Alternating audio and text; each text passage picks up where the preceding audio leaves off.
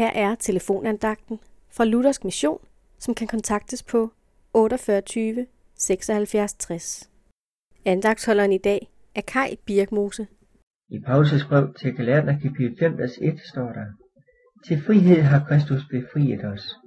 Stå derfor fast, og lad jer ikke atter tvinge under trælle år. Galaterne havde taget imod Jesus til frelse, og havde været meget ivrige kristne til at begynde med. Men langsomt havde det ændret sig. Før de kom til tro på Jesus, trællede de for og tilbage andre guder. Nu er de på vej tilbage til dem. Paulus ser deres vej ud på sidesporet og formaner og irettesætter dem i dette kapitel. Han nøder dem til at holde fast ved den sande Gud ved evangeliet. Intet andet kan frelse dem og os.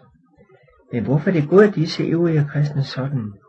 Jo, de var begyndt også at tro på sig selv. De var begyndt at lægge lidt til frelsen. De ville selv gøre noget.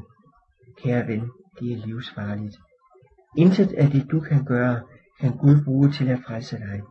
Han kan og vil selv frelse dig. Gud har et tilbud til dig i dag. Jeg har købt dig fri fra loven, siger han.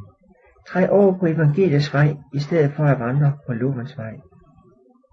Gud sendte Jesus for, at du kunne gøre det vejskift. Og Jesus længes efter, at du vil gøre det. Længes efter at få lov at eje dig helt. Derfor, glem alt om, hvad du burde gøre for at nå himlen. Og koncentrer dig om, at Jesus døde for dig på Golgata. Og lyt til det ord, han udtalte netop, da døden indtræk. Det er fuldbart. De ord er rigelige for, at du kan frelses og leve sammen med ham i himlen. Det er fuldbart. Amen.